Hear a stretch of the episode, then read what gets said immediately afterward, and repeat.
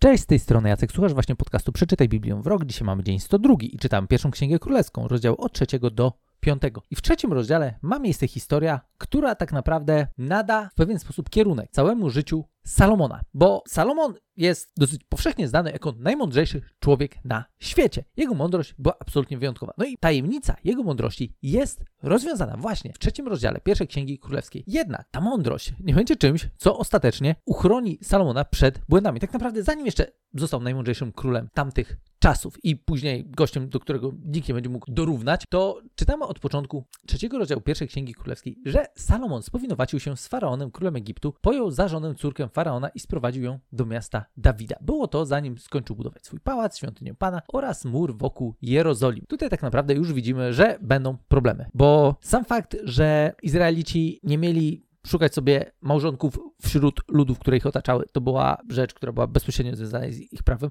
I to nie było tylko takie chamskie, ej, wiecie, nie możecie, bo oni są, nie wiem, bo tak, bo nie, bo, bo nie. Nie, nie. To nie był jakiś boży kaprys, że nie mogą się hajtać z innymi. To było przede wszystkim spowodowane tym, że co by nie było, ci małżonkowie zazwyczaj mieli strasznie słaby wpływ na Izraelitów. I jeżeli zdarzały się takie historie, że ktoś rzeczywiście e, zdecydował się na jakieś takie małżeństwo z, pozwolę sobie powiedzieć, obcoplemieńcem, e, no to zazwyczaj e, odchodzili od Boga i oddawali cześć jakimś różnym innym bóstwom, co było później ogromnym problemem e, w kontekście tego przymierza, które, które Bóg z nimi zawarł i tego, jak Bóg chciał ich traktować, gdzie bardzo ważną kwestią było to, że to Bóg miał być na pierwszym miejscu i nie miało być w ogóle żadnych innych bogów obok Niego. Więc na samym początku widzimy, że Salomon no już, już kiepsko rozgrywa. Jednak czytamy dalej. Lud w tym czasie nadal składał ofiary na wzgórzach. Świątynia dla imienia Pana nie była bowiem jeszcze gotowa. Salomon zaś kochał Pana, bo postępował według ustaw swojego ojca Dawida. Jednak ofiary, w tym ofiary z kadzidła, również składał na wzgórzach. No i teraz tutaj tak, to jest jedna rzecz, która, która mnie zaciekawiła. Przyznam wam szczerze, że jak teraz to czytałem, to jakoś tak, e, czy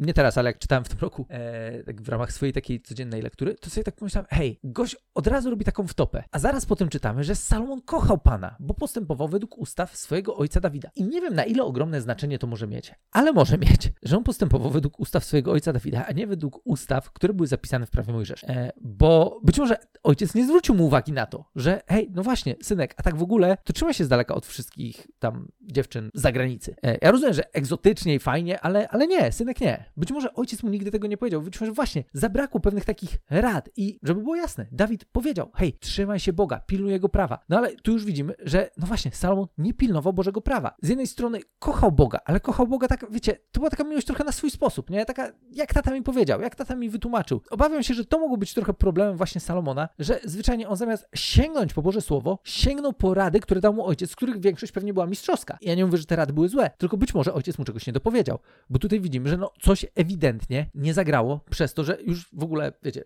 okolicznych ludów jak okolicznych ludów. Ale kurczę, z Egiptu, czy jeszcze pamiętacie, jak wychodzili z Egiptu, jaka tam była zadym. No i teraz y, Zresztą ci Egipcjanie jeszcze będą się pojawiać w historii. Tak naprawdę całkiem niedługo. Całkiem niedługo ci Egipcjanie nam wrócą. No i takie to właśnie relacje Salomona. Jednak teraz przechodzimy do historii, którą chciałbym, żebyśmy zajęli się trochę bardziej. Bo co byście zrobili? Gdyby mieć taką opcję, że Bóg wam mówi, słuchaj, poproś cokolwiek chcesz ja ci to dam. O co byście poprosili? Ja nie mówię to o tym, że wiecie, że to tak będzie, że teraz poprosicie i nagle coś się tam wydarzy w magiczny sposób, a najlepiej to jeszcze za e, 4 minuty, tak, szybciutko, jak to ktoś zwróci mi uwagę, ej, Jacek, z Bogiem to nie jest tak jak z mikrofalówką, że wiesz, za 40 sekund masz e, wszystko gotowe. Ja rozumiem, ja rozumiem, wiem, że tak nie jest e, i to pytanie wynika przede wszystkim z tego, że no właśnie, co my byśmy, co jest w naszym serduchu? Pierwsza taka myśl, co ci przychodzi do głowy? Poproś Boga o cokolwiek chcesz. Co takiego przychodzi ci do głowy? Bo mniej więcej takie pytanie zaraz Bóg zada Salomonowi. I to, co Salomon powie, jest naprawdę świetne, bo czytamy od czwartego wersetu. Pewnego razu król udał się do Gibeonu, by złożyć ofiarę na tamtejszych wspaniałym wzgórzu. Na jego ołtarzu Salomon złożył tysiąc ofiar. Właśnie w Gibeonie nocą, we śnie, ukazał mu się Pan. Proś zachęcił, co mam ci dać? To jest, to jest właśnie to. Proś, co mam ci dać? O co ty byś poprosił? Słuchajcie Salomona. Salomon na to, ty okazałeś Dawidowi swojemu słudze, a mojemu ojcu, wielką łaskę. Kiedy był ci wierny, postępował sprawiedliwie i w szczerości serca. Okazałeś mu tę wielką łaskę, że dałeś mu syna, który zasiadł na jego tronie, jak to jest dzisiaj. Teraz więc, Panie, mój Boże, Ty wprawdzie ustanowiłeś swojego sługę królem na miejsce Dawida, mojego ojca, lecz ja jestem tylko niedoświadczonym chłopcem, który nie umie jeszcze prowadzić trudnych spraw. A tymczasem Twój sługa znalazł się pośród ludu, który sobie wybrałeś tak licznego, że trudno go dokładnie policzyć. Daj więc Twojemu słudze chłonne serce, aby umiał sądzić Twój lud rozróżniać między dobrem a złem, bo bez tego kto sobie poradzi z tak trudnym ludem jak ten. I Pan uznał tę prośbę Salomona za trafną, dlatego, że poprosiłeś właśnie o coś takiego, powiedział, a nie o długie życie, ani o bogactwo, ani o śmierć swoich wrogów, lecz umiejętność rozumienia i słuchania, aby właściwie rozstrzygać to spełnię Twoją prośbę. Oto daję Ci mądre i rozumne serce, takiego jak Ty jeszcze nie było przed Tobą, ani jak Ty nie powstanie po Tobie. Ponadto daję Ci to, o co nie prosiłeś, to jest bogactwo i sławę. Po wszystkie Twoje dni pomiędzy królami nie będzie nikogo takiego jak Ty, a jeśli będziesz kroczył moimi drogami, przestrzegał moich ustaw i przykazań, jak Twój ojciec Dawid, to obdarzę Cię również długim życiem. To jest niesamowicie piękne, że Salomon, mając właśnie, wiecie, to no sorry, ale tak pozwolę sobie porównać, to jest trochę, wiecie, jak historia ze złotą rybką, nie? Masz jedno życzenie, jedno życzenie i on w ramach tego życzenia mówi co? Że chciałby mieć, my tu mamy co prawda napisane e, w tym przykładzie, z którego ja czytam, chłonne serce, e, w absolutnej większości innych będzie mądre serce, właśnie mądre serce, serce, które będzie na tyle mądre, żeby umiał sądzić lud, rozróżniać między dobrem a złem, bo kto sobie poradzi z takim trudnym ludem jak ten? To jest ciekawe, że ta rzecz, o którą prosił Salomon, mając tak wiele różnych opcji, bo zresztą do tych opcji też Bóg się odnosi. Hej, mogłeś prosić o to i o tamto, mogłeś prosić e, o to, abym dał ci długie życie, albo bogactwo, albo żeby wytuć swoich wrogów, tam różne inne rzeczy, ale tak jak to Bóg też tu określa, lecz poprosiłeś o umiejętność rozumienia i słuchania. To tak naprawdę spełnia Twoją prośbę. Będziesz najmądrzejszym gościem na świecie. Ale dlaczego Salomon poprosił właśnie o to? Poprosił o to dlatego, żeby mógł być dobrym królem dla Izraela. I okazuje się, że z perspektywy takiej, wiecie, stricte ludzkiej, to on był wyrąbistym królem. Tak naprawdę zaraz potem będziemy czytać o tym, jak ludziom się powodziło. Tak naprawdę w kolejnym rozdziale zaraz pojawi się, że taka informacja, że Juda i Izrael miał tyle ludności, ile piasku nad morzem. Wszyscy oni jedli, pili i weselili się. A Salomon panował nad wszystkimi królestwami od Eufratu przez ziemię filistyńską aż po granicę z Egiptem. Wszystkie te królestwa składały mu daniny i służyły Salomonowi przez całe jego życie. Ale patrzcie na to, co, co to jest z ludźmi. Jedli, pili, weselili się. Tam później będziemy mieli opisy, wiecie, ile złota wtedy było w Królestwie Izraela. Ile w ogóle dobrobytu wszelkiej masie. Po prostu było absolutnie rewelacyjnie. To tak naprawdę był taki okres największego takiego ludzkiego powodzenia, jakie mogli tylko doświadczyć. Dlatego, że Salomon poprosił nie o coś dla siebie. Właśnie to jest piękne, że on nie poprosił o coś dla siebie, nie poprosił o rzeczy, które były podyktowane bezpośrednio jego chęcią bycia kimś, tylko widać w tym, że pomimo tego, że jednak Salomon, później jeszcze to zobaczycie, jak będziemy mieli kolejne odcinki, Salomon był gościem, który, to, powiem tak, nie był on największym altruistą, którego tam spotkamy, bo zresztą niedługo o tym będziemy rozmawiać, chyba nawet w jutrzejszym odcinku, kiedy Salomon będzie budował świątynię, będzie budował swój pałac. Niemniej jednak tutaj, to jak Bóg odpowiada Salomonowi wyraźnie pokazuje, że jemu naprawdę zależało na tym, żeby właśnie być dobrym królem. Czy chciał być dobrym królem po to, żeby być dobrym królem, żeby wszyscy o nim mówili, że był najbardziej wyrąbistym królem, czy autentycznie zależało mu na ludziach?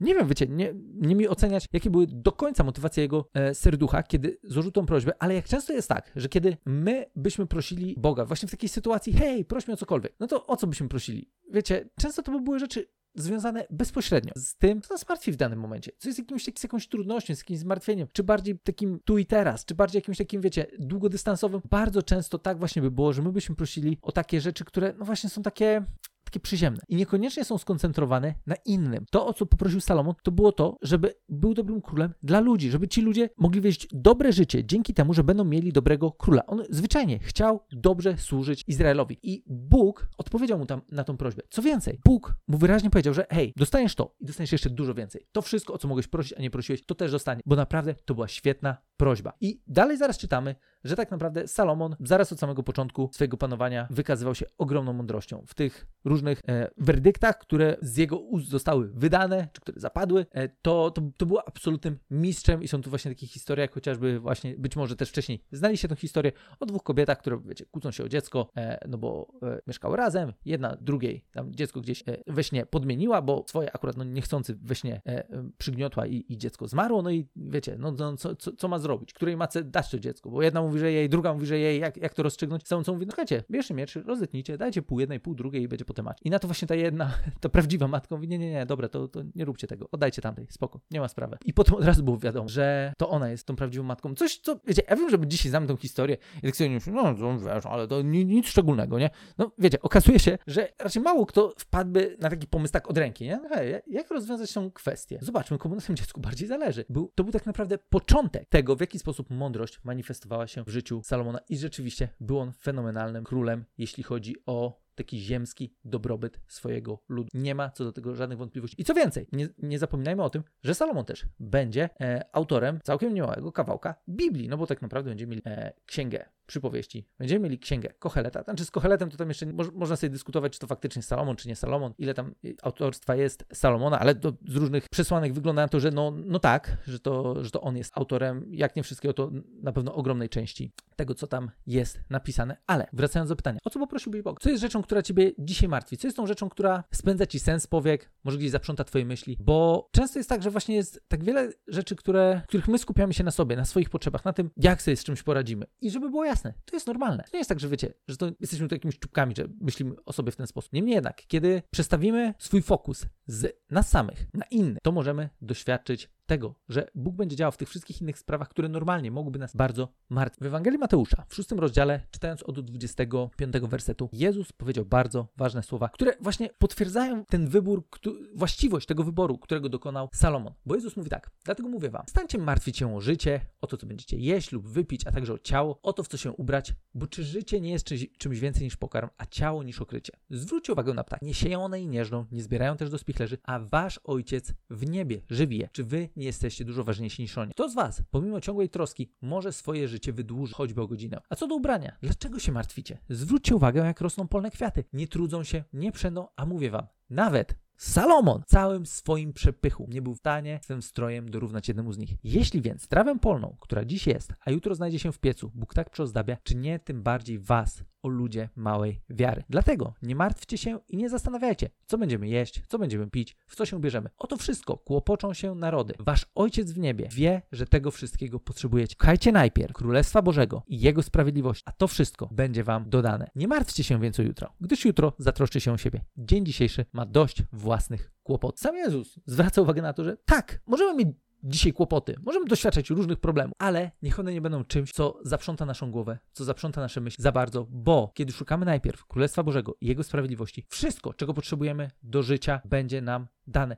Bóg zadba o wszystkie nasze potrzeby, o te rzeczy, które dzisiaj zaprzątają naszą głowę, które zaprzątają nasze myśli, które sprawiają, że właśnie ciężko nam się skupić. Bóg chce o to wszystko zadbać, ale On to zrobi wtedy, kiedy my będziemy najpierw szukali Jego Królestwa, Jego sprawiedliwości. Wtedy możemy być spokojni o to, że wszystko inne będzie nam dodane. O tym fragmencie moglibyśmy pewnie jeszcze trochę większą chwilę porozmawiać, bo właśnie Boże Królestwo, co to jest Jego sprawiedliwość? Świetne pytania, bardzo cieszę się, że pytacie. E, przy innej okazji poświęcimy jeszcze trochę więcej miejsca pewnie i temu fragmentowi, bo jest on naprawdę ważny, bo oto okazuje się, że najlepszym sposobem na to, żeby żyć życiem takim właśnie spełnionym, pełnym wszystkiego, co jest nam potrzebne do życia, jest to, żebyśmy postawili Boga na pierwszym miejscu, żebyśmy służyli innym ludziom, żebyśmy dbali o to, żeby im pomagać, żebyśmy swoim życiem byli w stanie pomagać im zbliżać się do Boga. Kiedy będziemy to robić, to Bóg zadba wszystko inne, o wszystko, co jest nam potrzebne. Nie musimy wybiegać za dużo swoimi zmartwieniami do przodu, bo jak Jezus powiedział, jutro zatroszczy się o siebie. Dzisiaj macie wystarczająco kłopot. To, o co w tym wszystkim możemy się najbardziej martwić, to o to, żeby Bóg był na pierwszym miejscu w naszym życiu. Wtedy wszystko inne będzie na właściwym. Mam nadzieję, że ta historia Salomona, uzupełniona też właśnie tą fenomenalną mądrością od samego Jezusa, będzie dla nas